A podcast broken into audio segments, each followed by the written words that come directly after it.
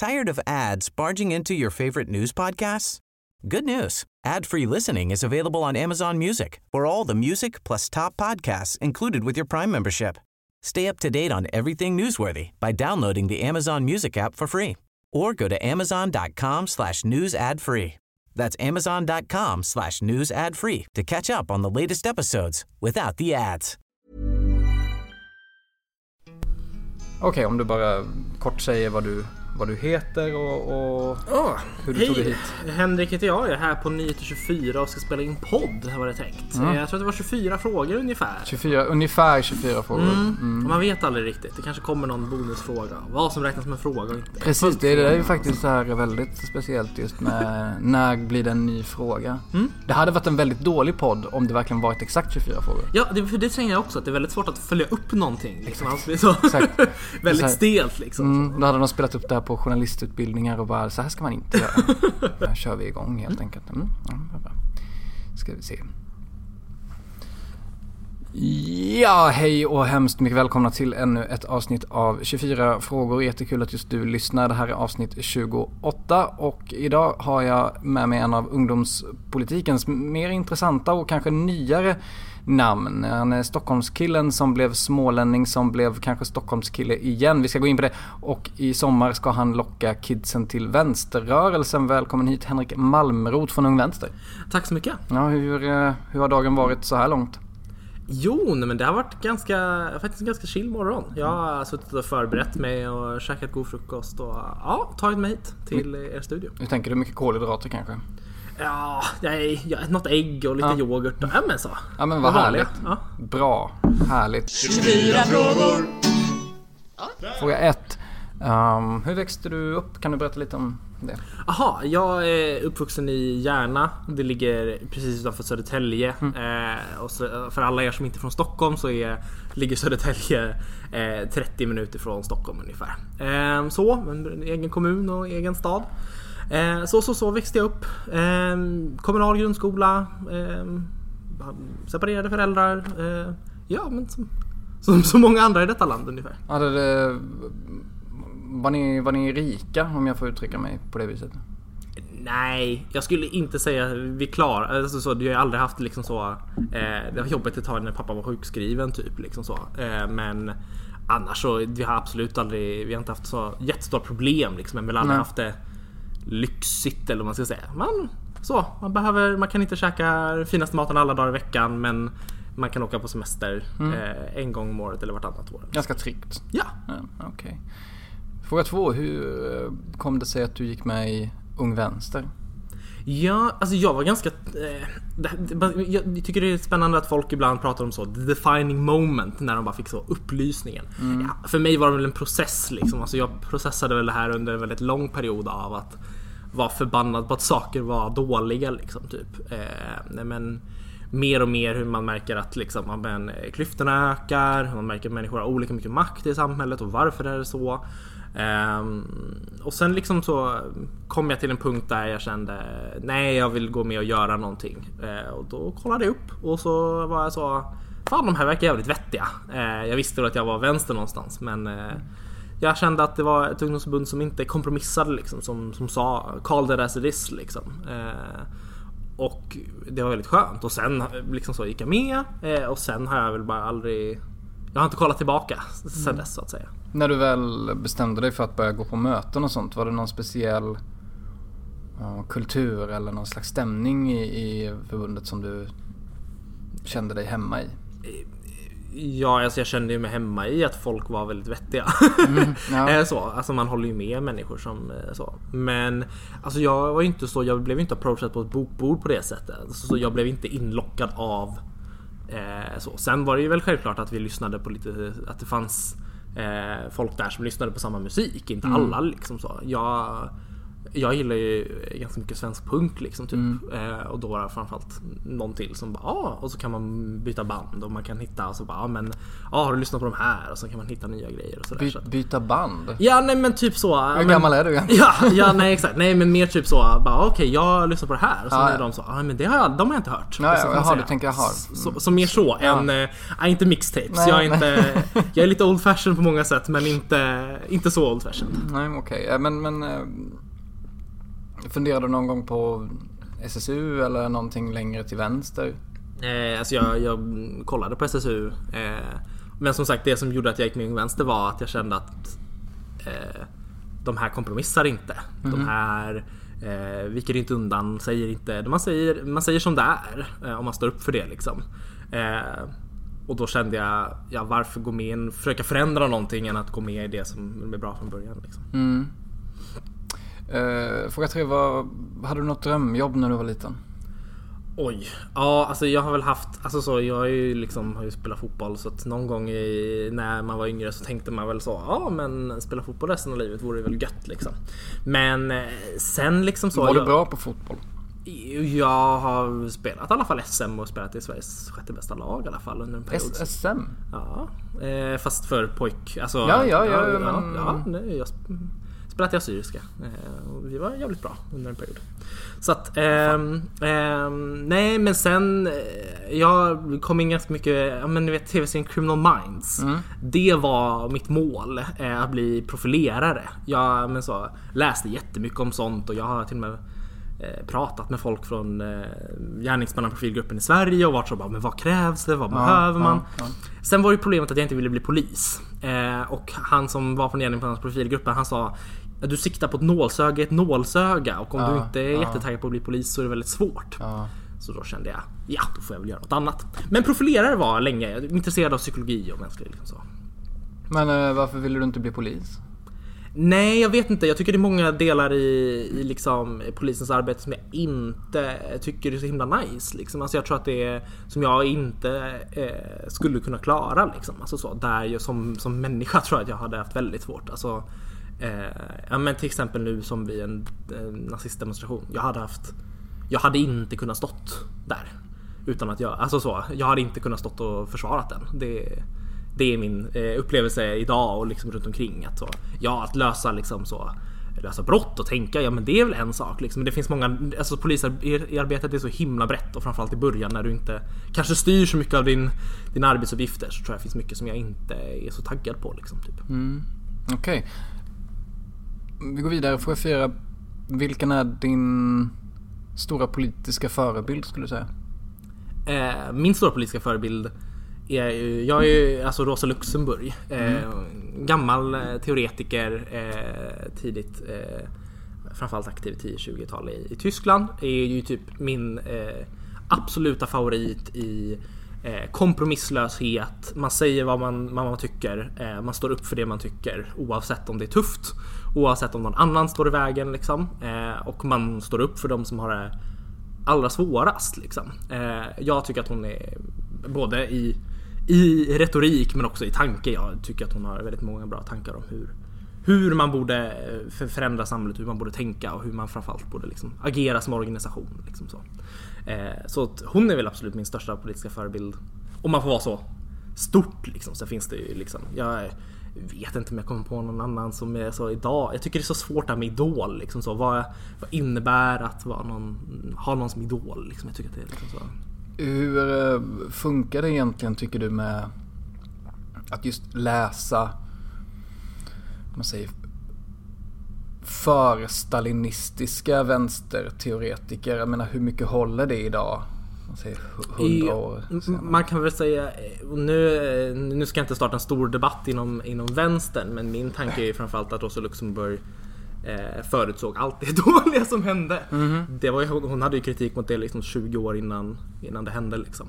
Eh, så, så jag tycker att hon eh, liksom så. Eh, men typ personer som till exempel eh, George Orwell som har eh, socialist som hade liknande kritik mot stalinismen fast efter att det hade hänt. Liksom. Han har ju massor med skitbra poänger och, och hittade ju massor med det som var problemet. Liksom, typ. Men, eh, men hon var inne. jag tycker typ att ett, man måste se och läsa dem i sin tid. Man måste också förstå att, de, att det var hundra år sedan. Liksom, typ. eh, och man måste ta dem saker eh, och analysera och se men vad är det som faktiskt är applicerbart. Vissa saker är inte applicerbara för att världen har förändrats och vissa saker hade de ju inte rätt i. Liksom, hur utvecklingen, många trodde ju att kapitalismen skulle kollapsa vid, vid, innan 1930. Liksom. Mm. Ehm, men vissa saker hade de helt rätt i. Eller så hur man såg expansionen av liksom så, hur kapitalismen tar sig internationellt. Hur stora företag växte och blev stora monopol. Alltså som vi ser idag liksom, så är det ju typ fyra stora oljebolag som har all olja i nästan hela världen. Liksom, typ så. Eh, eller liksom stora matbolag som amen, Dole Foods och eh, alltså så hur den liksom imperialismen och hur företagens makt framförallt. Det förespådde man ju liksom så. Det hade man ju rätt i och då tycker jag att man kan kolla, analysera och se. Men vad är det? Man måste vara lite så källkritisk typ. Man måste bara så analysera och se vad som faktiskt funkar och vad som inte funkar. Du som ändå lever mitt i vänsterrörelsen. Jag antar att du eh, diskuterar och, och, träffar folk från andra vänster, ungdomsförbund och, och sådär. Hur skulle du säga att just läsningen av um, för jag vet att Moderaterna hade en grej för några år sedan, alltså MUF hade en grej för några år sedan att man skulle sluta läsa döda vita män och, och mm. sånt där. Nu har man kanske lämnat det, men hur mår döda vita män och kvinnor i vänsterrörelsen? Hur mycket läser man de gamla stora namnen? Ja, jag tror att det är otroligt olika. Jag kan ju inte svara för andra organisationer för det har inte jag koll på. Jag... Nej men du har väl en känsla av? Ja, nej men grejen är att jag umgås inte jättemycket med. Alltså, så, det är ju mest vänstrare eh, som jag, som jag umgås med. Vi har inte jätte, vi har ingen liksom så ut, ut stora samarbeten. Men i, men i vår organisation så, så tänker jag snarare att man plockar utdrag och vi försöker uppdatera och vi försöker hitta nytt. Liksom, och, mm. eh, men vissa saker är också grundgrejer liksom, och då är det onödigt att läsa någons tolkning av en originaltext istället för att bara läsa originaltexten. Liksom. Mm. Alltså så. Mm. Jag menar varför vi läser Marx fortfarande är ju därför att det känns onödigt att läsa någon som har försökt tolka Marx istället för att vi läser Marx och tolkar honom istället. Mm. Eh, mm. det känns som så, varför läsa andrahandskällan när man kan läsa förstahandskällan? Liksom så. Eh, så. Och sen är det ju självklart att vi har inte jättestora bokcirklar om kapitalet för att det är en bok som är ett väldigt svår att läsa för mm. den är mm. väldigt rörig. Liksom. Mm. Eh, så. Men framförallt att det är bättre att så plocka utdrag och så, ta vissa bitar. Liksom. Okej, vi går vidare. Mm. För, fråga fem. För drygt ett år sedan så valdes du till ordförande för Ung Vänster. Mm. Rent praktiskt och privat, eh, hur har ditt liv förändrats sedan dess? Vad är det första du tänker på? Oj. Um, jag måste ju tänka efter lite grann. Det är typ den stora liksom så. Jag, jag tyckte det var jättesvårt att röra mig ibland på internet. För jag är alltid så, hmm, okej, okay, vad vad, vad säger jag nu liksom? Så mm. bara, min Spotify-lista, kan jag lägga till den här ah, låten? Mm, är det, mm. tolkas det av någon som tolkas av någon? Och sen är det liksom eh, sådana saker liksom. Eh, men eh, men så, så det är väl en liten sån grej. Men framförallt också att man eh, man är ju mer offentlig folk. Jag har i alla fall folk som har känt igen mig på gatan eller såna grejer. Och, eh, men också att man, alla andra berörs av ens arbete. Alltså som min, min, min mamma är lärare liksom. Eh, eh, och jag berörs ju inte jätte... Alltså så, om saker skulle gå dåligt på hennes jobb så märks det ju inte jättemycket i mitt privatliv. Kanske att eh, hon har mått dåligt liksom. Typ. Så, men jag... Det kommer inte upp massor med stora saker som, eh, och jag får inte massor med kommentarer från vänner i andra delar av landet. Liksom, typ så. Men om, om det händer någonting i mitt arbete som det blir stort upp, uppståndelse kring så påverkar det väldigt, väldigt många. Liksom. Ja. Eh, och det är en lite konstig grej. Liksom, för oftast för många människor är det privata och eh, det, liksom, och professionella väldigt separata liksom, ja. världar. Typ. Ja, så att, eh, det är väl så. Sen har jag ju, det andra delen är ju att det är jävligt kul. Alltså så, fan jag får åka runt till alla massor med, med alla föreningar runt om i landet. Jag träffar så jäkla mycket häftiga och, och bra människor liksom. Um, och den, det privilegiet tycker jag också är liksom Det är liksom andra sidan av det liksom. Alltså, eh, det är skitkul att vara ute på skolor. Jag tycker det verkligen är att prata med, med andra ungdomar. Eh, men också prata med medlemmar liksom och så. Och, så, framförallt så äh, finns det jäkligt mycket smarta människor i den här världen. Typ. Äh, så, så det är jävligt gött. Det är ju den bra sidan från, på mitt arbete. Liksom. Du tog ju över efter Hanna Sederin. Mm. Hon hade suttit, eh, ja, jag vet inte hur länge, men ett tag i alla fall. Mm. Hur upplevde du att överlämningen var? Hur, hur mådde Ung Vänster när du klev in? Ja, nej, men överlämningen tyckte jag var väldigt bra. Jag, jag snackar fortfarande med Hanna eh, då och då. Eh, när man behöver bolla saker liksom. Eh, så nej, jag tycker att det, det funkade väldigt bra liksom. Jag tänker typ att det var nog lite som för alla ungdomsförbund att man är lite alla i väntan på ett valår liksom. Mm. Alltså så att många ungdomsförbund har ju ett sjunkande, eller de flesta har sjunkande medlemstal liksom under under mandatperioden liksom och sen går det upp igen under valåret. Och så vi hade ändå liksom, ja, 2017 hade vi en vändande trend med mer medlemmar än, än 2016 liksom. Alltså så, och det, känd, det var väldigt häftigt att se att vi har också ett förbund som växte Även fast det inte var valår liksom. Och den biten, det tyckte jag var en ganska så, det har varit en väldigt skön grej att ta med sig in och nu har det gått väldigt bra liksom. Alltså under året har vi haft ändå haft några av de bästa månaderna på flera år. Alltså Mm. sen 2000, att vi pratar typ 2006 kanske. Den här våren liksom, där vi har haft liknande medlemstillväxt i absoluta tal liksom. Så det känns skitgött. Ska komma in på det eventuellt lite sen. Men eh, vi fortsätter med ehm, fråga 6. Om du inte hade pysslat med politik, vad tror du att du hade gjort då? Ehm, jag har sagt i hela mitt liv att jag ska inte bli lärare som mina föräldrar. Mm. Um, insett nu att jag kanske vill hålla på med undervisning. Eh, Jaha. så, nej men jag, jag gillar att jobba med, gillar att prata och gillar att ehm, Nej, jag tycker inte så att jag skulle nog vilja jobba inom lä- som lärare. Jag har nog funderat lite, kanske inom universitetsvärlden och plugga vidare och sådana saker. Men lära ut på något sätt tror jag faktiskt att jag skulle vilja göra. Eh, om, jag hade, om jag får den möjligheten liksom. Men du pluggade på Handels i Jönköping va? Nej, jag pluggar på eh, skolan för eh, lärande och kommunikation. Jaha, HLK. Ja, exakt. Eh, men vad lä- läste du på ped- ped- pedagogik? Nej, jag läste globala studier. Ah, ja. Jag, eh, så, så det är väl den andra delen, att jobba med, jobba med bistånd och olika utvecklingsprojekt. Liksom. För det är ofta den, den delen, så jag tycker att det är olika. Men jag är ganska intresserad av det teoretiska också, så att jag tycker att det finns Antingen vill jag jobba praktiskt och då jobba med olika projekt. Alltså jag har funderat på om jag skulle borde jobba med eh, UNRWA. Det är FNs flyktingorgan för palestinska flyktingar.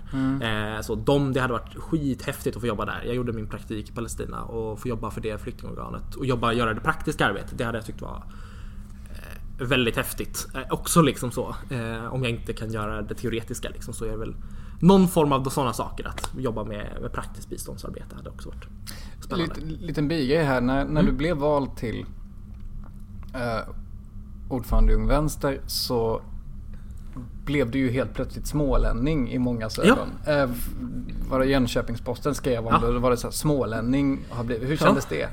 Ja, eller jag- tycker att det är lite, jag tycker det är häftigt att de eh, var väldigt stolta. så. Eh, och ni som lyssnar hör ju verkligen att jag har inte någon småländsk Nej, dialekt. verkligen inte. Speciellt ingen Nej, Jönköpingsdialekt. eh, nej men exakt. Jag har alla mina eh, R intakta liksom typ och sådär. Jag, eh, nej men eh, så att jag tycker det var lite roligt. Jag spenderade fyra år i Jönköping och eh, var och bodde där och trivdes väldigt, väldigt bra. Så att jag tycker Ja. väl det är en jag tycker att det är lite roligt liksom. Så jag tycker det är spännande. Jag har försökt ta med mig traditioner. Men så eh, käkade ändå marsipantårta på första torsdagen i mars. Eh, mest också för att det är en väldigt bra ursäkt för att äta marsipantårta. Ja. Men, men, men som sagt, jag tycker att det finns mycket som är... Jag tyckte det var häftigt. Det så, roligt. Eh, Vi har ju någonting gemensamt där. Jag, jag är inte... Jag kommer inte från Jönköping men jag bodde där väldigt länge. Och det är en väldigt lätt stad att fastna i. Ja. Alltså typ det, det är ju en väldigt... Fan jag älskar Jönköping alltså. Jag tycker det är en fantastisk stad. ja. Eh, Men så, så kul att vi har det. Många kvällar på tändsticksområdet. Många kvällar Eh, på Bongo kulturhus. Bar. Ja. Eh, och, ja, nej, men härlig stad överhuvudtaget. Jag är där på tok för sällan. Men eh, vi går vidare. Fråga 7. Om jag har fattat det här rätt. Så är inte du medlem i Vänsterpartiet. Nej. Vad är grejen med det? Nej men alltså så, vi, Ung Vänster och Vänsterpartiet fungerar, jag beskrev det någon gång som två organisationer som jobbar i symbios mot samma mål. Ja. Men vi gör lite olika saker Ja. och vi har lite olika roller liksom. Ehm, och jag är väl helt, jag, jag, någon gång så kommer jag väl gå med i Vänsterpartiet absolut. Men jag tycker att det finns en poäng nästan att så också hävda lite självständighet genom att så, men jag är medlem i Ung Vänster och jag företräder Ung Vänster i alla frågor liksom. Och, och det har jag gjort tydligt i någon TV-debatt någon gång när de var så, men Vänsterpartiet gör ju det här. Och jag säger ja, men jag företräder Ung Vänster. Eh, och jag tycker att det finns en poäng i det att eh, ett ungdomsförbund är, vi är självständiga och gör våra egna ställningstaganden. Vi tar egna program, vi har egna ideologiska eh, ställningstaganden, vi har olika praktiker och jobbar på ett annat sätt än liksom än Vänsterpartiet. Vi jobbar ju inte parti eh, liksom, eller parlamentariskt på det sättet. Vårt mål som Ung Vänster är ju inte att skola eh, kommunfullmäktigeledamöter utan vårt mål är ju att göra praktisk skillnad i människors vardag. Alltså så. Ja, men så. Vi är med och blockerar utvisningar, vi håller pass i feministiskt självförsvar. Vi liksom försöker alltid hitta saker eh, där människor engagerar sig eh, för att göra skillnad. Liksom. För att vi tror att det är så man eh, förändrar vardagen. Om man, gör, om man förändrar saker och ting. Om man, alltså så, de block, blockader som Ung Vänster har varit med och organiserat, det har självklart varit andra organisationer också som har gjort skitmycket bra arbete. Liksom.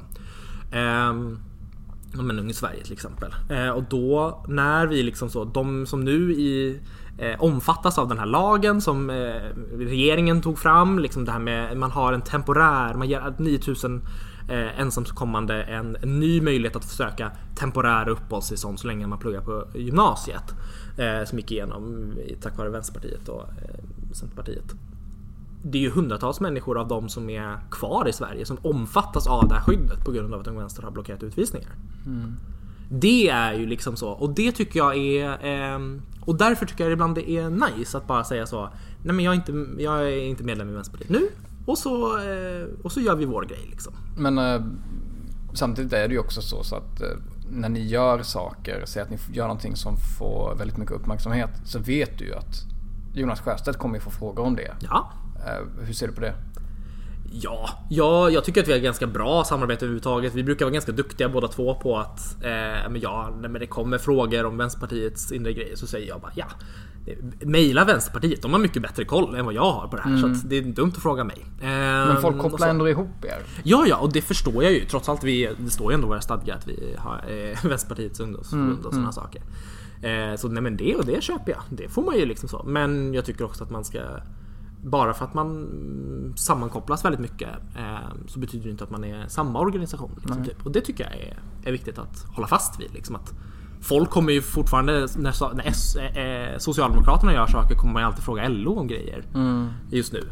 Även fast de inte är samma organisation. Men nej, de har nej. ett väldigt starkt samarbete. Ja, ja. Fråga 8. Vad skulle du säga är din bästa kvalitet som, som ledare? Oj. Um... Oj, den var svår. Ja, jag, jag tror någonstans, eller jag hoppas, och min tanke med mitt ledarskap är ju att som ledare lyfta andra. Att i mitt ledarskap bygga andra auktoriteter. Um, så jag tror ju som, som ledare så är, ska man inte, eller som ledares uppdrag är inte att peka med hela handen. Eh, jag är ju framförallt liksom en, en företrädare och liksom eh, representerar ungdomsförbundet. Och min roll som förbundsordförande försöker jag i den mån det går att få fram andra människor. Att hjälpa andra människor att bli bra på debatter. För jag har erfarenheter för att jag får ta många debatter. Eller eh, ska ge andra människor en plattform. Eller alltså sådana saker där man har ett, ett ansvar att och framförallt som kille tycker jag att man har ett ansvar av att så lyfta fram och bygga kvinnliga auktoriteter. Liksom, så. så att jag, eh, och stötta folk. Liksom. Så att jag, jag tror faktiskt att det och jag hoppas, för det är det jag eftersträvar liksom. Så att jag hoppas att eh, eh, att det är det folk tycker med mitt ledarskap. Att, så, att man är med och lyfter fram andra också. Du är bra på att delegera som man säger. Ja, det är kanske är det som det heter. uh, fråga 9. Vänsterpartiet har ju, om man kollar på opinionsmätningarna, så har man ökat en del sen förra valet, men inte sådär galet mycket. Kanske inte speciellt om man jämför med eh, vissa andra vänsterrörelser i Europa. Labour i, i, i England och, och Mélenchon i Frankrike och vad heter, det, vad heter de här i Spanien? P, P, Podemos. Podemos. Uh, varför, tror du, varför tror ni att ni ligger under 10% i opinionsmätningar? Um Ja, för det första så kan man ju prata om Labour i Storbritannien så det är väldigt roligt att Socialdemokraterna i Sverige, den enda valrörelsen de inte har valt att kolla på i hela Europa när de gjorde sin valstrategi var Storbritannien. Det enda stället där Socialdemokraterna har fått över 40% det senaste mm. valet. Det tycker jag bara är spännande. Och om, man, om man vill prata också om högerriktning i Socialdemokraterna. Alltså medvetet undantar det enda vänsterexemplet som där det går bra. Men, men alltså så, jag tror att det, det finns ju miljoner olika förklaringar. Jag tror att det, en av de stora är också att vi har fortfarande att en socialdemokrati som fortfarande förknippas väldigt starkt med vänstern. Mm. Fast som inte har drivit vänsterpolitik ordentligt på, ja, men vi pratat kanske 30 år liksom. Um, så jag tror att det är svårt att liksom så, ja, det är ju det som märks nu när Socialdemokraterna blir mindre och mindre liksom, så blir det svårare för dem att säga att vi företräder och när man gör konstiga grejer, när man till exempel utreder strejkrätten så blir fackföreningarna så, ja men det här är lite konstigt så. Alla fackföreningar, även liksom Saco, TCO och de här har varit ute och sagt att det här är lite konstigt liksom. Ehm, och man motsätter sig det och då blir det liksom, aha okej, okay, så Vänsterpartiet är de som gör det här liksom. Och det kommer liksom, jag tror att än så länge så förknippas liksom vänstern fortfarande väldigt mycket med socialdemokratin liksom. Och jag tror att om man vill växa så är det kanske på bekostnad i, i stora delar av socialdemokratin liksom. Men sen kan vi prata om miljoner olika saker. Jag tycker att man ska vara ute mycket, mycket mer. Man ska prata med människor. Man måste föra eh, eh, lokal kamp för, liksom så, för att vinna segrar, för att visa människor att saker och ting går att förändra. För det man ska se också är ju att många människor i dagens samhälle inte tror att världen går att förändra. Eh, och framförallt i områden, alltså så om vi vill prata om valdeltagande så är det inte i Danderyd i Stockholms län, eh, den rikaste kommunen i Stockholm. Det är inte där valdeltagandet är lågt. Utan det är lågt i Hovsjö i Södertälje där, liksom så, eller i ja, men Hässelby där jag bor nu. Alltså så, där har du valdeltagande som ligger ibland på 50%. Men Socialdemokraterna och Vänstern har 75% av rösterna av de som är mm. där nu. Mm. Man bara, hm, här har vi ett problem. Om det är så att det är lägre valdeltagande i områden som röstar vänster. För de här människorna känner sig så eh, känn, tror inte att världen kommer förändras. Eh, för att man har blivit sviken. Man har en socialdemokrati som har vägrat göra någonting åt det bättre hållet. Om de inte blivit fullkomligt tvingade liksom. Mm. Eh, så jag tror att det handlar om att få de här människorna att bli aktiva. Jag tror att det handlar om att skapa hopp genom kamp. Alltså så, jag tror inte att man skapar hopp genom att säga till människor världen går att förändra. Jag tror man skapar hopp för människor genom att visa att världen går att förändra. Alltså så, när vi, om Vänsterpartiet blir eh, så, gör, gör bra saker och tvingar till fram bra saker så borde man också så visa men ta till exempel kollektivtrafiken nu som kommer vara gratis i sommar för alla under 18. Då skulle man säga så, fan det här har vi kämpat och krigat för för att få igenom. Eh, det går mm. och vi ska ha avgiftsfri kollektivtrafik i hela Sverige. Det är ju ett sätt där man säger, kolla! Det går att förändra världen om vi kämpar tillsammans. Typ.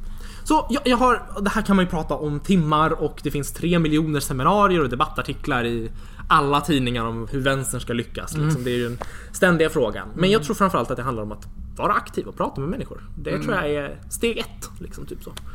Men eh, om, om nu eh, Socialdemokraterna går till höger och man eh, ser någon slags vakuum i den politiska skalan. Finns det inte en poäng då för Vänsterpartiet att kanske vara mer populistiska istället för att just det här du säger, gå ut och prata med folk? Att man kanske är för defensiv? Eh, ja, jag tycker alltid vänstern är för defensiv. Jag tycker att man ska call it as it is liksom. Typ. Eh, och vara väldigt mycket mer bara, nej men eh, så, det här, så här borde vi göra. Vi borde, liksom så, bankerna gör alldeles för stora vinster idag och vi borde bara ta de pengarna och göra goda saker för. Eller vi borde lägga 200 miljoner till Skatteverket som ska jaga skattesmitare. De här 50 miljarderna som rika människor och rika företag undangömmer varje år. Eh, ska bara tillbaka in till, skatt, eh, till statskassan. Liksom. Eh, och alla sådana, man borde bara, ja ja, det här är, det här är ju bara självklarheter. Liksom. Men, men, men, men jag tror framförallt att så eh, Populism tror jag, jag, jag tycker väl kanske på ett sätt men bra vänsterpolitik är ju populistisk. Populistisk betyder ju folklig liksom. Så jag tycker man kanske bara borde säga men Ibland finns det en poäng att säga gratis kollektivtrafik istället för avgiftsfri kollektivtrafik. Mm. Då kommer alla högertroll säga ingenting är gratis. Och man bara nej, men alla förstår vad vi menar när vi säger det. Eh, så. Gå in lite i fråga 10 här faktiskt. För att eh, ni skiljer er lite grann från andra ungdomsförbund på det sättet att eh, eh Ja, ni håller ganska låg profil i sociala medier. Eh, Om man till exempel googlar ditt namn så hittar man inte supermycket grejer. Ni håller inte på med men så här, Twitterkampanjer på samma vis som kanske till exempel SSU mm. eller något annat gör. Eh, hur tänker ni där? Sociala mediearbetet har lackat lite grann tror jag, ibland vissa saker. Eh, vi är, så, lite underbemannade på centrala kontoret. Liksom. Ja, så det är ingen medveten... Eh, men typ Twitter till exempel är väl mer medvetet. Alltså mm. Twitter är ju ett jag ska inte säga ett döende fenomen men det är ju framförallt en plattform som är en av de enda få sociala medieplattformar som tappar i antal. Liksom mm. så. Men framförallt handlar det om hur man tror att världen förändras. Mm. För det, det, som är spännande liksom så, det är till exempel om man kollar på medlemssiffrorna. Vi har en av de största tillväxterna på medlemmar nu. Eh, liksom just nu. Och vi har supermycket aktivitet överallt. Eh, vi har ungefär dubbelt så många lokalföreningar som Liberalerna och Centerpartiet har fast de för, fast för, jag vet inte, jag kan inte deras medlemssiffror just nu. Men de har legat ungefär på samma, vi har legat ungefär på samma medlemssiffror men vi har haft dubbelt så mycket lokalföreningar liksom så. Därför att vi tror att förändring kommer genom att man gör saker på sin lokalort liksom. Mm. Och då kommer liksom den stora frågan, är så, är det debattartiklar som förändrar samhället är, eller är det organisering och kamp liksom så? Jag tycker det är nice att skriva debattartiklar, det är inte så att jag inte skriver debattartiklar. Men eh, jag tror att de används, många debattartiklar vill jag skriva för att visa på vad vi gör för att få medieutrymme liksom. Ehm, men, men framförallt så tror ju inte jag att förändringen sker eh, så. Sociala medier använder man för att mobilisera människor. Mm. Absolut, informera. Mm. Men att förändra samhället så tror inte jag att det är sociala medier primärt som gör det. Jag tror inte att det är ledarsidorna som förändrar samhället. Jag tror ju att det är styrkeförhållanden på arbetsmarknaden och jag tror att eller jag tycker det blir väldigt tydligt när vi fortfarande växer skitmycket medlemsantal. Alltså vi jag tror vi dubblade Grön Ungdoms medlemstillväxt under deras kampanjveckor fast vi inte hade kampanjveckor mm. liksom. Ehm, för att vi gör grejer hela tiden. Mm. Typ så. Ja, eh, jag kan verkligen, alltså jag... Uh, I mitt jobb så jag jobbar ju väldigt nära ungdomspolitiken. Mm. Jag kan verkligen känna igen det där att jag ser, jag ska inte nämna några namn, mm. men jag ser väldigt ofta unga människor som lägger ner fruktansvärt mycket tid och energi på saker som jag jag vet inte, jag har inte deras interna data men Nej. som jag känner att fan vad det här inte är ett effektivt användning av en aktivistisk tid. Men mm. samtidigt så kan jag bara jämföra med um, när jag var i gymnasieåldern mm. slash högskoleåldern så kommer jag ihåg att just Ung Vänster hade en väldigt stor närvaro precis överallt. Och då pratar jag inte om debattartiklar och sånt. Utan alltså det fanns ju inte ett elskåp mm. i hela Småland som inte hade en Ung Vänster-affisch på mm. sig. Det var ju liksom klisterlappar överallt. Det mm. fanns ju alltid en, en, organisation på skolan eller vad som mm. helst. Alla kände någon som var aktiv i Ung mm. Vänster. Och nu ser man inte de där elskåpen på samma sätt längre. Var, är, det, är det någon risk att ni blir osynliga tror du? Um... Nej, jag tycker vi brukar alltid prata om att vår storlek är vår styrka. Mm. Alltså så. Nu, jag kan inte din ålder liksom. Så. Jag är född 86 så alltså det här är ju, det här är ju liksom Typ tidigt 2000-tal. Precis, det här är ju också ja. i, med attack och, ja. och, allt det där. Det fanns ju en annan... Ja. Alltså det är ju piken i Ung Vänsters medlemsantal typ historiskt nästan. Eh, de åren. Så att, eh, men, men jag tror att eh, jag tror att absolut du hittar det där, framförallt i de delar där vi idag är aktiva. Alltså så när jag går eh, men i Hässelby så ser ju jag affischer som inte jag har varit med och satt upp. Eh, klistermärken som jag inte varit med och satt upp. Alltså så, det finns ju liksom eh, Jag skulle säga att det absolut finns en närvaro framförallt så är det ju en närvaro som växer. Alltså så. Eh, och liksom jag, jag, jag ser ju just nu i vår medlemstrend ja, men som sagt, vi har de bästa åren på kanske bästa månaden, bästa våren på kanske 12 år. Mm. Alltså så i medlemsantalstillväxt. I absoluta tal, inte ens i procentuella tal. Liksom. Mm. Alltså så. Det är, säger väldigt mycket om att det går jävligt bra just nu. Alltså jag, jag, och jag märker det på medlemmar som åker på sin första debatt. Jag hade en medlem nu som var ute på sin första debatt. Mötte förbundsordföranden och känner efteråt ah, det här var så jävla kul. Det här vill jag göra igen. Nu tar vi dem. Alltså så, den känslan är Alltså så. Var det den där på Kungsholmsgymnasiet? Jaha, nej det här var uppe i Östersund. Jaha, okay. Eh, så. Nej men alltså, vi har medlemmar alltså så, där vi alla känner en så jävla positiv vibe. Mm. Där folk känner ah, nu fan kör vi. Mm, mm. Eh, för att det bara exploderar liksom så. Vi hinner knappt med att hantera nya lokalföreningar. Och ta, för att det går så fort just nu liksom. Och det tycker jag är jävligt eh, gött liksom. Och just jag tror att vårt mål är att komma tillbaka till den närvaron. Vårt mål är ju att Ung Vänster ska bli den självklara närvaron i människors vardag. Liksom, typ så. Fråga 11. Vad är det första du gör på morgonen? Oj. Ehm, duschar, Ja. skulle jag nog säga. Du kollar inte mejlen i sängen och sånt där? Nej, jag, nej. Jag, max att jag sätter på YouTube eller kollar på Facebook. Men eh, jag skulle nog säga att det första jag gör är ändå jag, jag är en sån person som duschar varje dag eh, och alltid på morgonen. Tycker att det är en... Eh, ja, jag är väldigt så. Jag, nej, så att det är duschar skulle jag säga. Det är en väldigt central del i vakna upp-rutinen. Så. Eh, fråga 12. Eh, vi var inne på det lite innan. Eh, men just det här att du pratade om att du gick med i Ung Vänster för att de kompromissade inte. Du ville inte bli polis för att, de, för att du ville kanske inte kompromissa med vissa arbetsuppgifter och sånt där. Är du generellt en väldigt kompromisslös person? Mm, Jag tror, att, jag tror att det beror lite på. Jag... ehm, jag har ju inget problem med hur- ett praktiskt genomförande att kompromissa så. Eh, Ja men hemma eller sådana saker. Nej, men, men det som jag tycker är att det finns värden och sådana saker som man inte kan kompromissa om. För att om man kompromissar så säger man okej. Det är min overall känsla. Och ja, det finns många grejer som jag tycker att så... Nej men det är fan inte okej att tillåta vissa ojämlikheter i samhället. Jag tycker inte att man kan säga att jag vill ha ett jämlikare samhälle. För jag vill inte ha ett jämlikare, jag vill ha ett jämlikt samhälle. Eh, och jag tycker att det finns en, en sån tanke som jag tänker framförallt socialdemokratin säger. Vi vill ha ett jämlikt, måste, samhället måste bli jämlikare. Och jag säger nej, jag tycker inte att det ska bli jämlikare för då är det fortfarande några som är eh, rika och har mycket mer makt än oss andra.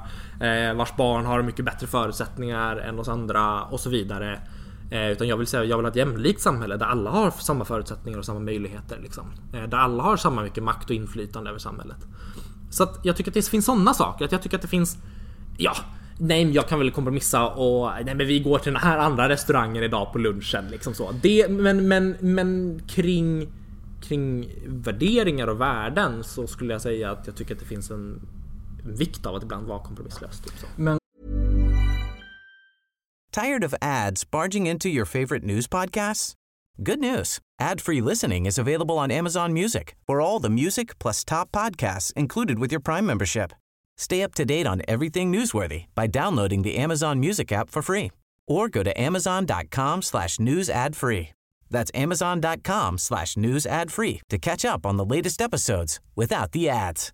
Millions of people have lost weight with personalized plans from Noom, like Evan, who can't stand salads and still lost 50 pounds. Salads, generally, for most people, are the easy button, right? For me, that wasn't an option. I never really was a salad guy. That's just not who I am. But Noom worked for me. Get your personalized plan today at Noom.com. Real Noom user compensated to provide their story. In four weeks, the typical Noom user can expect to lose one to two pounds per week. Individual results may vary.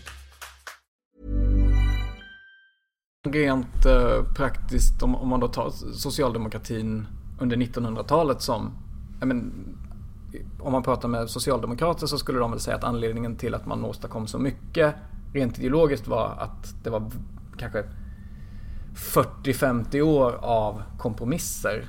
Finns det inte risk att man missar saker om man inte kompromissar? Ja, jag tänker också det man... Socialdemokraterna pratar ju ofta om mitten på sin, början och mitten på sin historia. De lämnar ju oftast slutet. Eh, utanför den här ekvationen.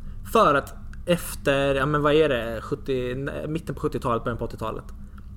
Det är ju slutet på det. Det är ju liksom nästa del av deras historia. När kompromissandet ledde till att man också sen började tappa makten. Att deras tanke om att låta stora företag fortfarande ha jättestort inflytande över samhället under väldigt lång period ledde ju sen till att när man började utmana deras makt lite grann med de här löntagarfonderna som är ett försök att plocka över företagen i arbetarnas händer så kommer den stora motattacken. Eh, där man sen mobiliserar fullt. Det är då Timbro skapas. Det är då liksom så. När man då Alltså deras kompromissande med de allra rikaste. Där man säger så. Ja, ni får fortfarande behålla väldigt stor del av makten i det här samhället. Eh, så länge ni tillåter oss att ha en del av makten. Eh, ledde ju till sen att när man sen utmanar den makten så har man problem. Eh, och det är det som har liksom, jag tycker är socialdemokratins, som de alltid har gjort. Men det man har gjort är ju att man har låtit de största familjerna vara allra rikast och blivit ännu rikare. Alltså så. Det fin- jag tycker det är väldigt talande till exempel nu när, när Stefan Löfven var och hälsade på Donald Trump. Eh, då plockade han med sig, alltså jag tror att i den delegationen som namngavs utåt, vilka han tog med sig, var det fler Wallenbergare än kvinnor som, som var med i den delegationen. Liksom så. Det säger ganska mycket om en så arbetarnas företrädare, eh, a.k.a. Stefan Löfven i det här fallet, tar med sig de allra rikaste och mest inflytelserika familjerna i hela Sverige. Eh, som har en samlad förmögenhet på 2000 miljarder kronor. Så. Då har man ju kompromissat bort. Eh, och det man har sagt är att vi tycker att det är okej att ni har mer makt på andras bekostnad. Så länge vi får ha makt. Och det tycker jag är ett problem. Fråga 13. Hur ofta pratar du med Jonas Sjöstedt? Ja, men vi ses väl oftast typ någon, vi- någon gång i veckan så, men jag är med på partiets Det är så pass ofta ändå. Ja, men jag, vi ses på partiets VU-möten. Jag är inte med varje vecka, men de flesta och sen är man ju ibland så pratar på telefon och sådär. Så att det är ju lite... Eh, ja, men eh, va- varannan vecka eller det beror på så. Vad tror, du, vad tror du han tycker om dig? Ja, nej, men jag hoppas att han tycker att jag är, trevlig.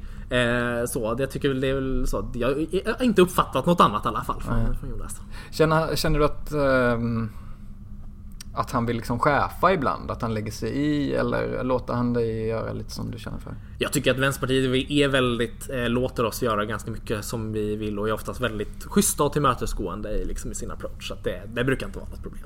Okej. Eh, fråga 14. Vad tycker du att Vänsterpartiet borde ha för relation till Socialdemokraterna efter höstens val? Eh, jag tycker att det är upp till Vänsterpartiet att bestämma. Som sagt, jag är inte medlem och... eh, Men om du skulle så. få önska då? Eh, ja, nej, jag önskar ju att Vänsterpartiet sitter i en egen majoritetsregering efter valet. Det vore gött. Stabilt svar. Jag antar att du inte vill svara alltså vad, vad, vad man ska ha för...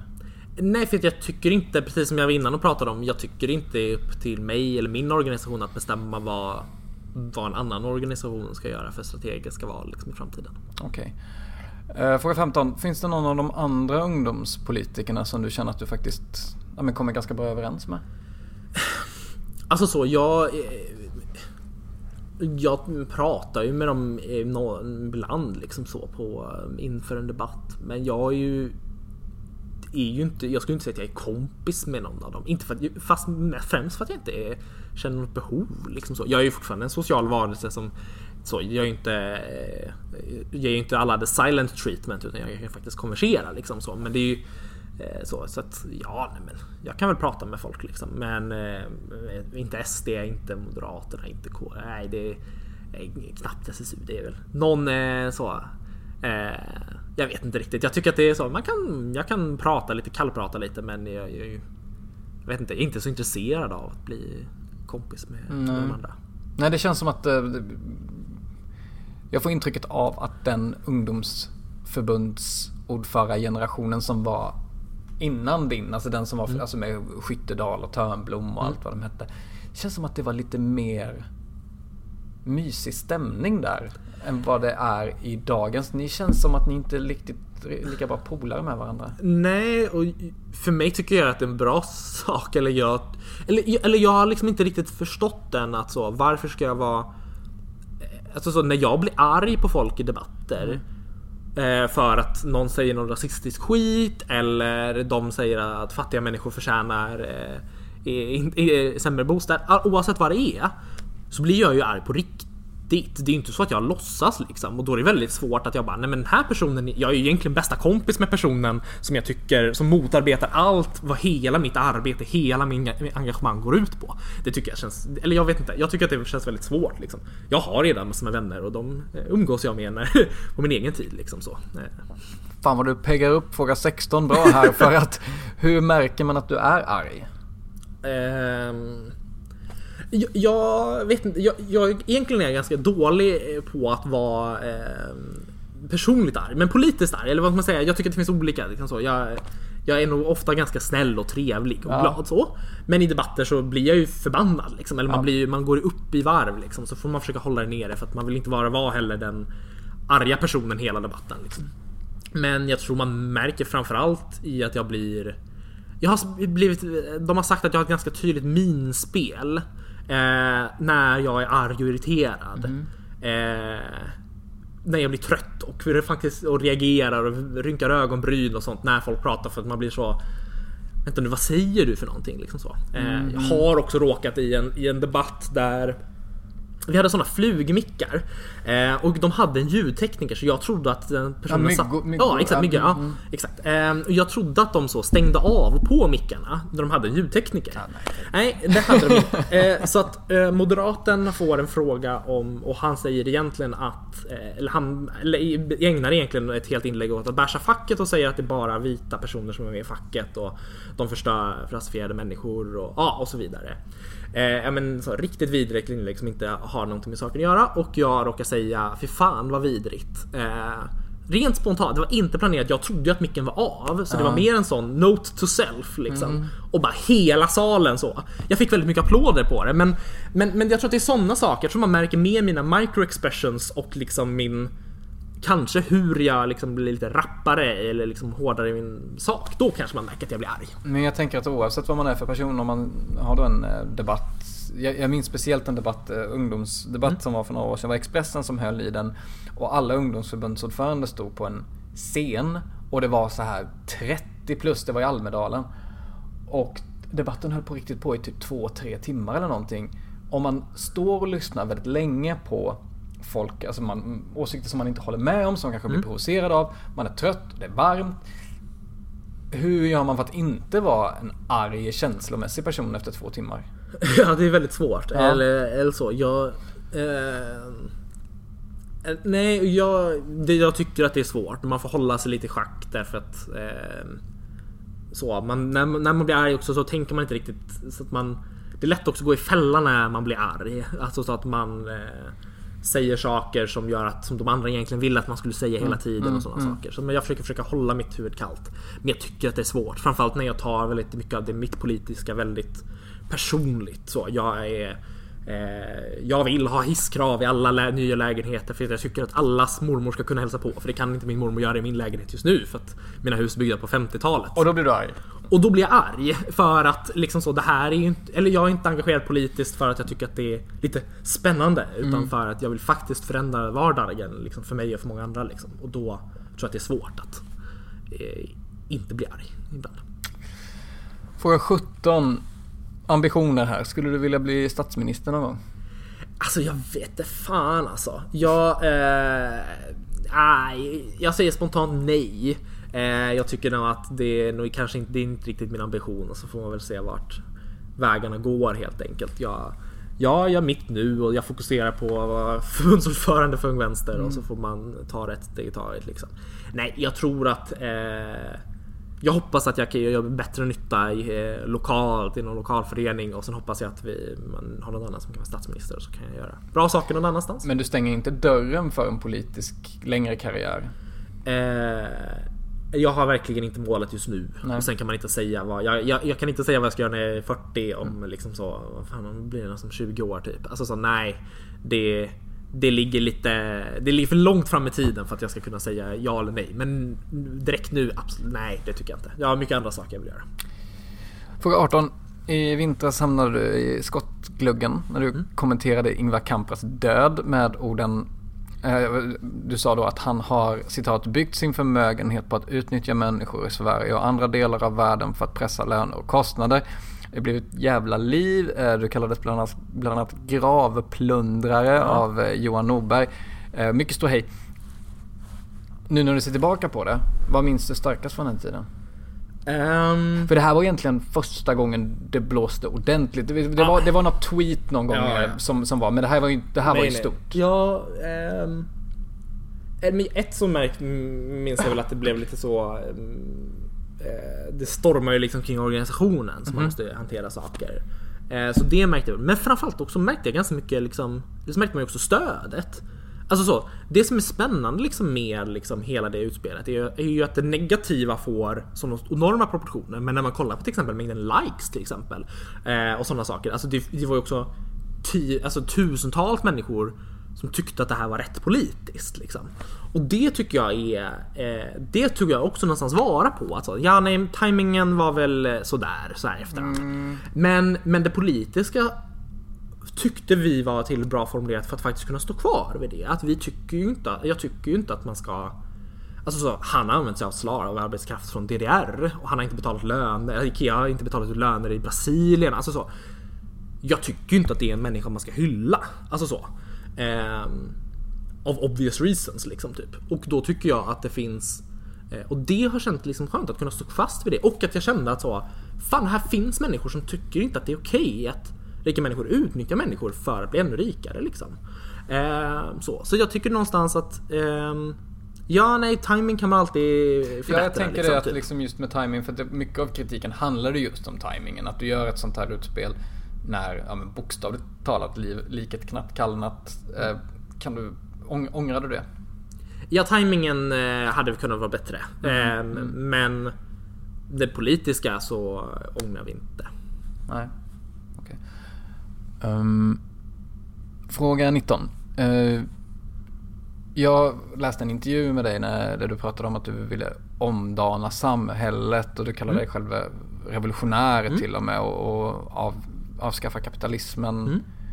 Ehm, berätta, berätta mer, vad är, vad, är visionen där? Ja, visionen är ju att det här samhället inte bara behöver eh, fixas i kanten. Alltså, mål, alltså så. Det här samhället behöver inte bara ett nytt lager färg. Det här behöver en ny grund liksom. Ehm, och för mig är det revolutionerande att bygga ett annat samhälle. Liksom. Eh, och därför tycker jag, liksom, eller så, därför jag kallar mig revolutionär. Eh, så. Att jag tror inte att, eh, jag tror att det är, vi måste bygga om samhället från grunden. Liksom. Alltså, att det går inte bara att Ja, men så, det går inte bara att eh, ta lite pengar från de allra rikaste. Vi måste förändra hur ägarstrukturen ser ut. Så att de personerna inte har eh, makt. Liksom. Så vi kan inte ha en diktatur på arbetsmarknaden. Det måste ju råda demokrati i hela, liksom, hela arbetslivet, hela liksom, samhället. Typ. Hur, hur, hur mycket ska offras i den här omdaningen? offras, det vet jag inte. Jag, alltså så, jag tror ju fortfarande, eller jag tror ju på att det är genom mänskliga liksom så eh, att folket måste få med och bestämma. Det är en demokratisk process liksom så. Men, men, det, men det stora är att jag tror inte att det går bara att eh, fixa saker i, i detaljer och sen säga nu är jag nöjd. Nu kommer det här samhället vara bra. Utan jag tror att det är väldigt så stora omfattande strukturer som måste göras för att det här samhället ska bli bra. Liksom, alltså så, eh, man måste liksom ta bort, ja men om, till exempel för att rädda klimatet så är det ju inte bara att så mm, nu har vi infört eh, biobränsle. Så, planen är löst. Nu, eh, nu kommer all skog i hela Sverige bli bli etanol istället. Det är inte, det, det är inte lösningen. Lösningen är att ta bort sådana mekanismer som gör att Royal Dutch Shell, som är världens största företag, fortsätter pumpa upp hur mycket olja som helst. Därför att det de bryr sig om, det som är för att det företaget ska överleva så måste de öka sin produktion, de måste öka sin vinst och det betyder att ta upp mer olja. Det är liksom deras logik. Och resten av världens logik är vi kan inte ta upp en droppe till för att nu är det kört liksom.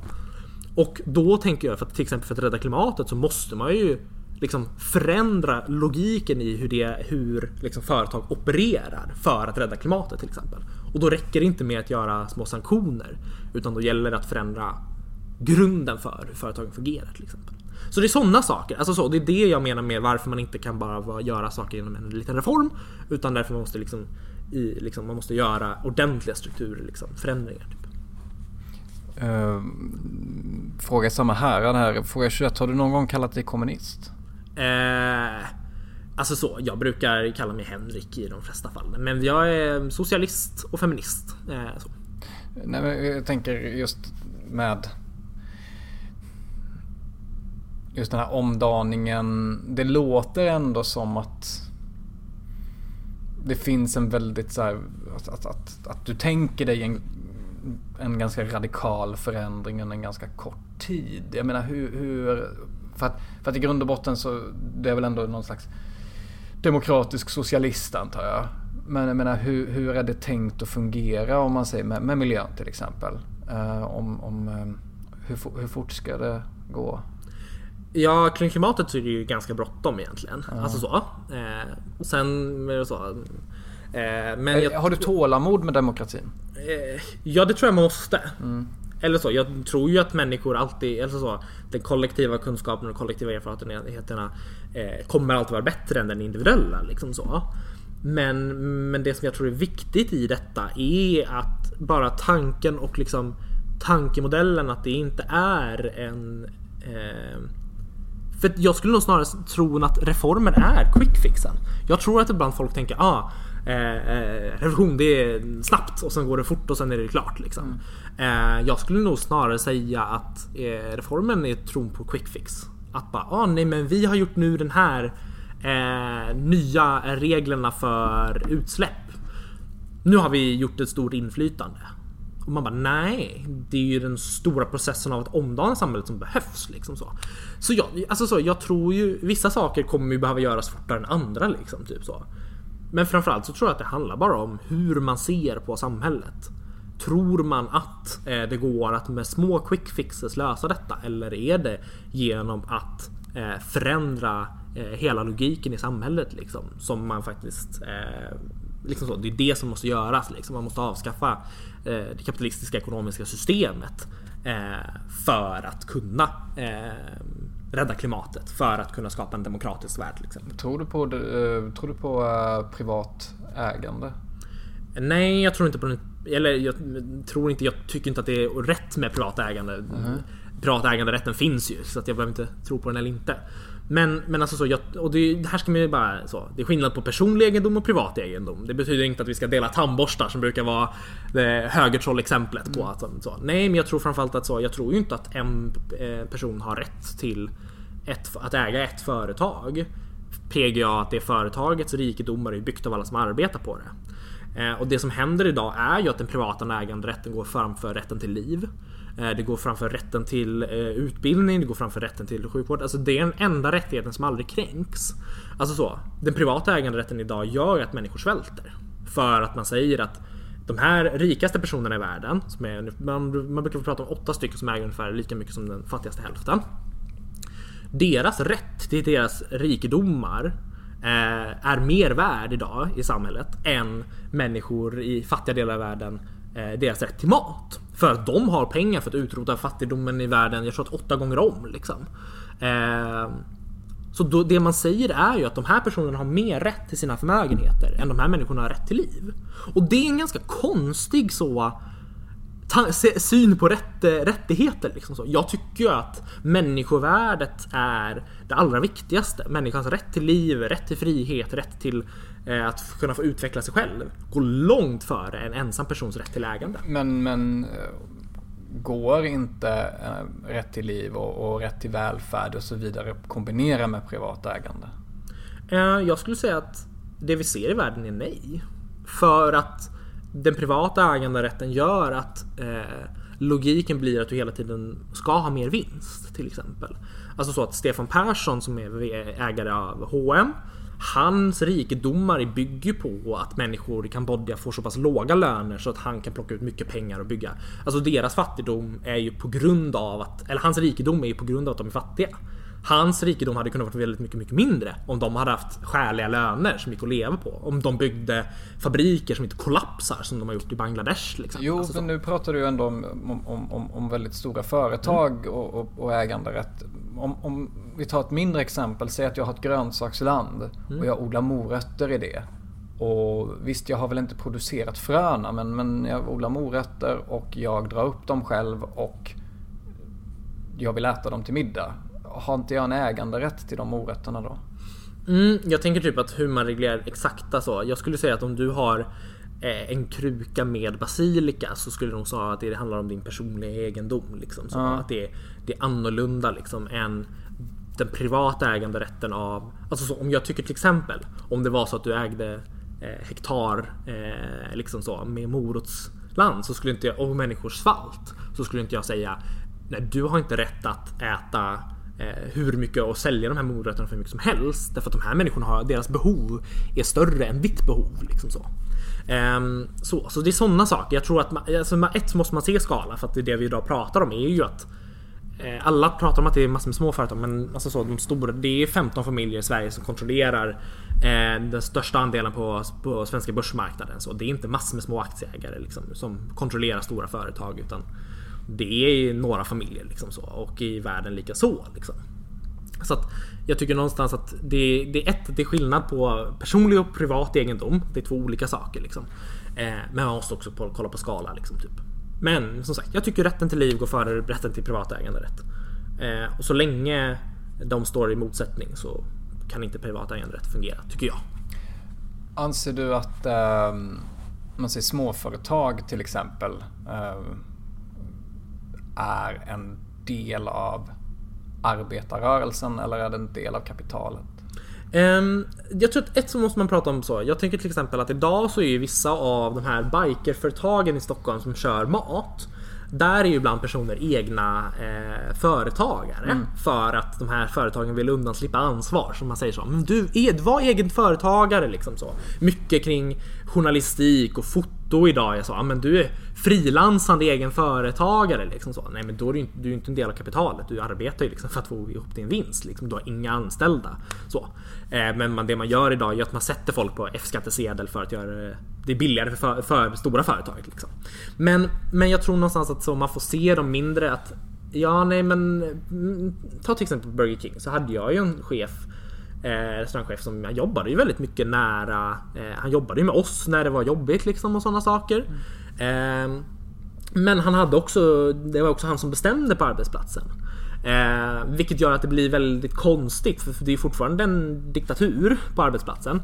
Men bara att diktatorn jobbar med dig. Det är det som är liksom ibland det som när det blir små arbetsplatser. Att, ehm, eh, jag vill ju fortfarande ha så mycket lön som möjligt och om du är en ensam företagare som äger ett franchiseföretag vill ju fortfarande göra så mycket vinst som möjligt på mitt arbete. Så vi har fortfarande motsatta intressen. Men den här ensamma företagaren jobbar ju fortfarande och jag tycker att man ska få lön för allt arbete man utför. Mm. Så jag skulle nog säga, vi brukar prata om att den här personen här ibland hamnar i ett mellanskikt, att man hamnar lite mitt emellan. Man har vissa gemensamma intressen med arbetarna och vissa gemensamma intressen med, med kapitalet. Liksom. Mm. Så jag, jag, skulle säga att man hamnar någonstans mitt emellan. Ja, men det kanske är ett ganska bra exempel att ta upp där så är det Burger King-franchisen. För mm. det är ett litet företag och ett väldigt stort företag på samma gång. Hur, hur, hur, hur jag, vill bara, jag är bara mm. nyfiken på hur det passar in i din ideologi. Ja, jag, jag tycker att det är passar nog in ganska bra in tanken om att så, eller ett så kan man väl säga att det här är ju bland de smartaste movesen idag de stora företagen gör bara helt plötsligt så är det, vem, vem är bad guy? Mm. Vem är det som utnyttjar dig? Liksom så. Väldigt svårt att veta för att det är tre miljoner olika chefer och olika nivåer och du bara kopplas vidare till någon HR-avdelning helt plötsligt och sen så, ja. Men, men det jag tycker är viktigt att ta vidare i detta är ju fortfarande att jag och min chef har motsatt intressen på min arbetsplats liksom. Men vi som restaurang kan ju ha en vilja av att vi behåller mer än det vi, av det vi producerar än, eh, än att vi behöver skicka upp det i kedjan liksom, mm. som faktiskt händer på många ställen. Så att jag skulle nog, jag skulle nog säga att det finns liksom saker som hänger ihop mitt emellan. Men jag skulle snarare säga att det här är en väldigt smart utveckling av kapitalister. Att sätta sig själv i långt bak liksom. Ja, men ta Royal Dutch Shell. Jag bara, det är ett väldigt bra exempel. Mm. Är, ägs utav ett, av ett företag som ägs utav ett annat företag. Royal Dutch Shell står som det största företaget i världen. Men ägs av ett annat företag. Och då blir man så, men vänta nu, borde inte det här företaget då vara världens största företag? Nej, för så funkar inte riktigt deras omsättning. Så. Men det blir väldigt svårt att veta vem är det egentligen som får, tar ut pengarna av mitt arbete. Liksom. Mm. Eh, så. Nu är det väldigt spännande, mycket ideologi. Jag tycker det här är intressant. Liksom. Ja, Men jag tycker ja. att det är viktiga någonstans att se vem har du intressen med? Jag som arbetar har alltid intresse av att få ut mer lön och bättre arbetsvillkor och mer inflytande på min arbetsplats. Chefen vill ju alltid har ju som uppdrag att plocka se till att pressa ner löner. Eh, oftast man vill ha så mycket inflytande så man kan styra produktionen så mycket som möjligt. Och det är där motsättningen står mellan arbetare och kapital. Fråga 20. Du sa innan eh, du visste inte vad du gör om 20, 30 eller 40 år. Mm. Men vad tror du att du gör om 10 år? Um, ja. Du är 25? Jag fyller 24 i höst. Ja. Ehm, ja, om tio år så hoppas jag att eh, jag inte är förbundsordförande för Vänster längre. Jag hoppas att det är yngre, yngre personer som har tagit över. Eh, nej, jag hoppas att jag har ett utvecklande arbete. Det är min stora förhoppning. Och jag vet inte om det kommer vara inom en, liksom, en bistånds... Liksom, eh, sektorn, liksom jobba på någon bra biståndsorganisation eller om jag har pluggat vidare och, och jobbar eller forskar eller vad det nu är. Jag är inte helt hundra liksom. Men, men någonstans där så hoppas jag väl att jag... Eh, så. Det är nog det jag hoppas på. Eh, vi har hoppat lite i frågorna här men vi tar 22an i alla fall. Eh, det är val i höst. Mm. Hur tror du att... Eh, om, om, om du får göra några generella förutsägelser eller profetior om kommande mandatperiod, vad tror du? Um, ja det ser inte så jäkla ljust ut alltså. Ehm, um, när du har en socialdemokrati som typ har copy-pastat SDs... Uh, förlåt, det, det, är inte bara Socialdemokraterna, det är ju KD och Moderaterna. Låter ju, alltså KD låter ju nästan mer islamofobiska än, än, än Sverigedemokraterna gör idag. Sverigedemokraterna behöver inte säga att de är rasister. För att alla vet att de är det, så att de kan prata om sin andra del av politiken. Liksom. Um, Nej, och, och, grejen är att det känns som att du har så ett miljöparti som hellre vill sitta vid makten än stå upp för saker och ting. Samma, jag känner så, Liberalerna har varit öppna lite hit och dit och säger inte så mycket. Centerpartiet, frågan är ju liksom om eh, jag tror att antingen kommer vi ha en mittenregering där eh, S, MP, C och L sitter för att Liberalerna och Centerpartiet inte vill att SD ska få inflytande. Eller så kommer du ha en alliansregering som sitter med stöd av Sverigedemokraterna liksom.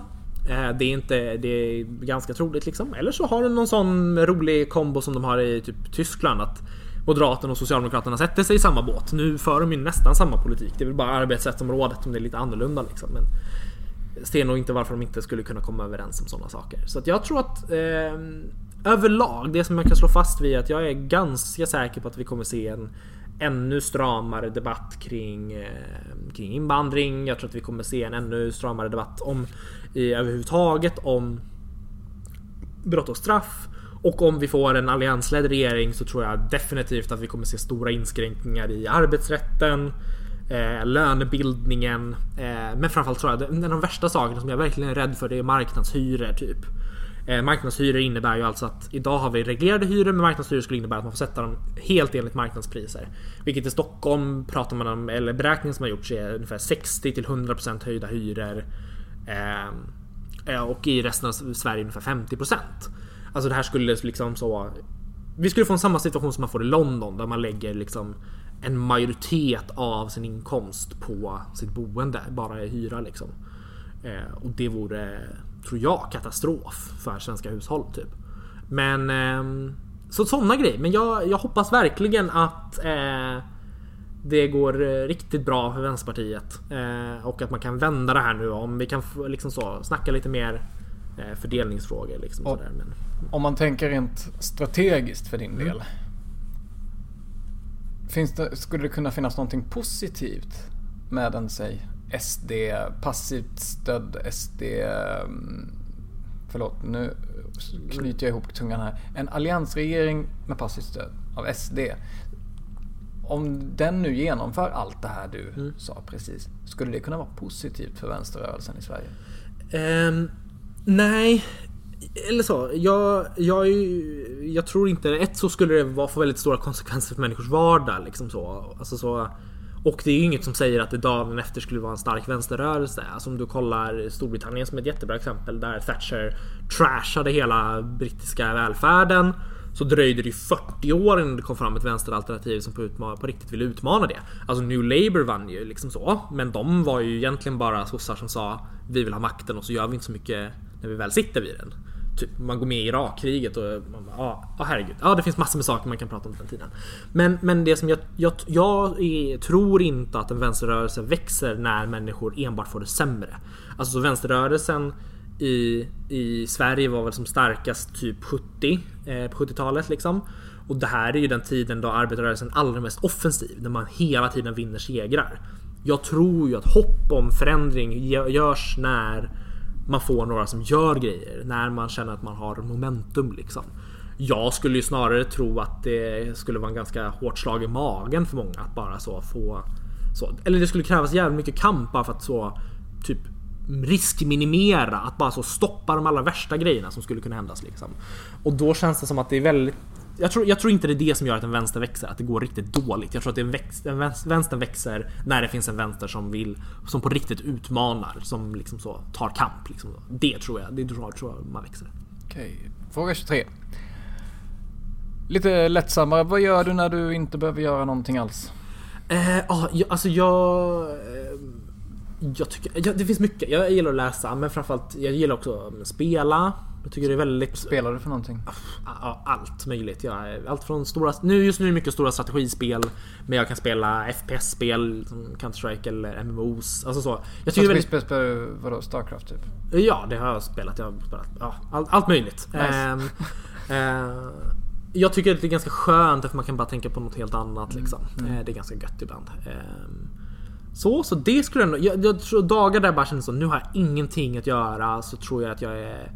Eh, man kanske gör något... Jag brukar försöka göra såna eh, Stora uppgifter tidigt på dagen för att annars blir de inte gjorda om jag inte om jag tvättar direkt liksom annars kommer de inte annars fastnar man där vid datorn. Men, eh, men, men det tycker jag är väldigt nice att spela med mina kompisar typ. Det är intressant med en slags yngre generation politiker för just det här, det är någonting som många återkommer till så är det just det här med att spela dataspel som avkoppling. Det är naturligtvis någonting som, om man säger Stefan Löfvens eh, generation inte har med sig. Men jag vet till exempel så eh, pratade med en, en eh, Sverigedemokrat, en tjänsteman där en gång som sa att just World of Warcraft är superstort i SD.